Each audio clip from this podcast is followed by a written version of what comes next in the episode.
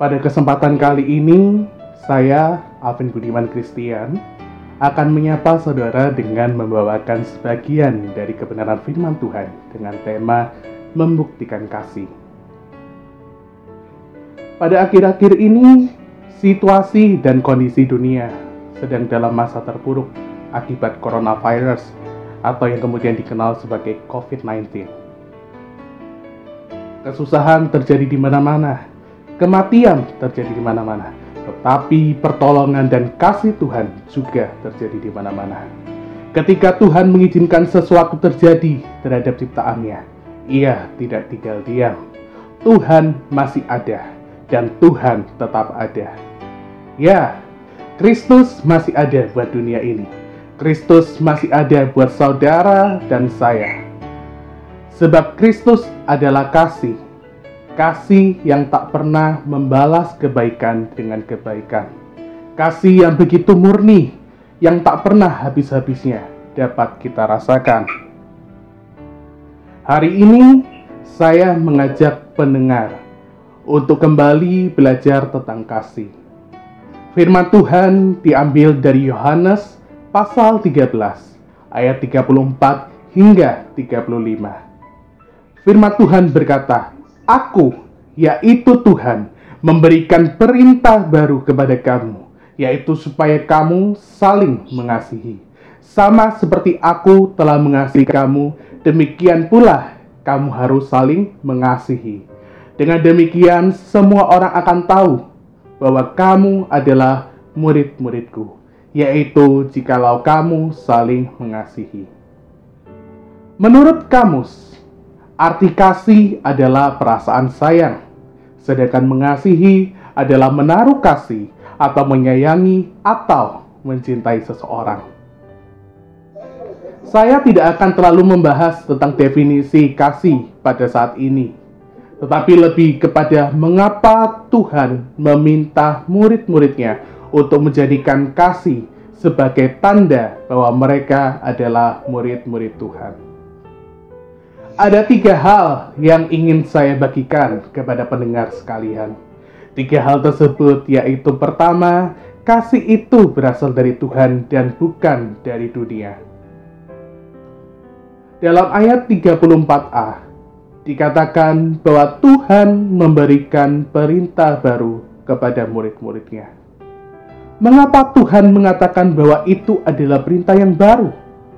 Bukankah dunia juga mengenal kasih? Ya, memang dunia mengenal kasih, tetapi kasih dunia berbeda dengan kasih surgawi. Kasih surgawi ditunjukkan melalui mengasihi orang lain tanpa syarat, sama seperti Allah yang sampai rela memberikan anaknya yang tunggal untuk mati di kayu salib dan menebus manusia dari dosa, agar manusia mendapatkan keselamatan. Yang kedua, Tuhan Yesus telah memberikan teladan mengasihi. Yesus tidak pernah mengajarkan sesuatu tanpa tidak memberi teladan terlebih dahulu. Ketika Yesus memerintahkan murid-muridnya untuk saling mengasihi, Yesus terlebih dahulu menunjukkan teladan secara simbolis, yaitu dengan cara membasuh kasih, membasuh kaki murid-muridnya. Hal ini terdapat pada perikop sebelumnya.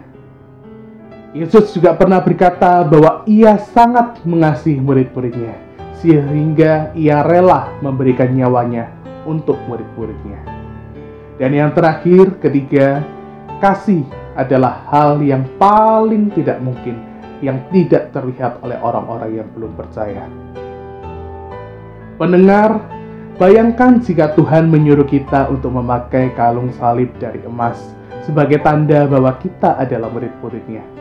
Bagaimana bisa orang yang belum percaya melihat kalung salib dari emas tersebut di balik pakaian yang kita kenakan? Bagaimana juga bila kita tidak mampu membeli kalung salib dari emas tersebut? Tetapi karena kasih adalah sesuatu yang dapat dilakukan semua orang, dari anak kecil hingga orang yang sudah lanjut usia sekalipun. Pada zaman Romawi, Ketika terjadi penganiayaan terhadap jemaat, cara yang paling mudah untuk menyatakan kasih adalah ketika mereka tidak membalas aniaya tersebut dengan aniaya, tetapi justru mendoakan orang yang menganiaya mereka. Itulah perwujudan kasih yang luar biasa oleh jemaat mula-mula, sehingga kekristenan menyebar begitu cepat di antara orang-orang yang belum mengenal Tuhan. Tuhan tidak minta kita untuk membuat stiker, gantungan kunci, pin, atau apa pun sebagai tanda bahwa kita adalah milik Tuhan. Memang sah-sah saja menempel stiker-stiker yang bernuansa Kristiani pada harta benda kita. Tetapi akan menjadi bumerang jika kita hanya menempel stiker tersebut, tetapi kelakuan kita justru tidak mencerminkan kasih Kristus. Jika demikian, pendengar, maka kehidupan rohani kita hanyalah kehidupan slogan saja tanpa ada kasih di dalamnya. Rasul Paulus pun mengatakan bahwa jika dirinya melayani begitu hebat, tetapi ia tidak memiliki kasih, maka semuanya itu akan menjadi sia-sia. Jadi, sudahkah kita menjadikan kasih sebagai tanda bahwa kita adalah murid-murid Tuhan. Pendengar, pengajaran atau perintah tentang kasih ini disampaikan oleh Yesus ketika masa pelayanannya akan segera berakhir. Pesan terakhir yang diberikannya kepada murid-muridnya yaitu agar mereka saling mengasihi. Tuhan Yesus sudah menjadi teladan bagi mereka. Kasih inilah yang menjadi ciri khas orang percaya yaitu murid-murid Kristus, supaya orang lain yang melihatnya percaya bahwa kita adalah murid-muridnya. Sampai pembahasan nas ini, pikiran para murid Kristus pada waktu itu belum juga terbuka tentang kematian Kristus di kayu salib.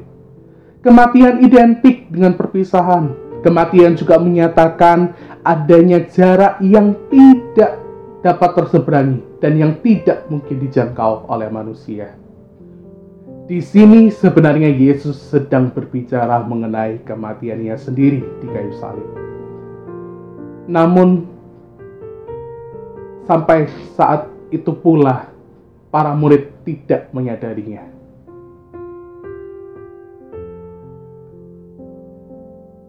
Melalui kematian Kristus inilah justru akan dapat dilihat kemuliaan Allah Bapa dan dirinya dan sikap saling mempermuliakan di antara Allah Bapa dan Yesus.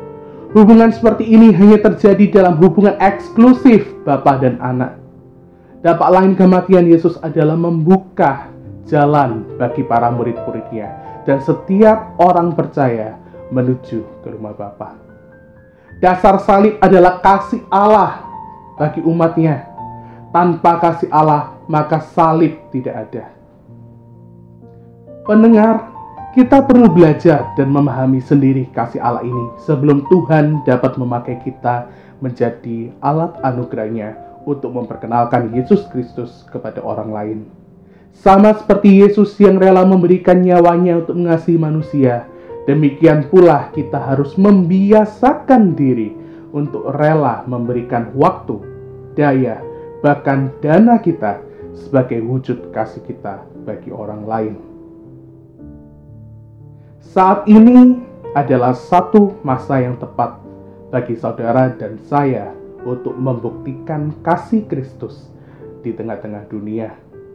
Kesulitan atau masa-masa sulit yang terjadi bukanlah untuk dihindari ataupun diratapi, melainkan mari saya mengajak seluruh pendengar untuk lebih lagi dalam hal saling mengasihi.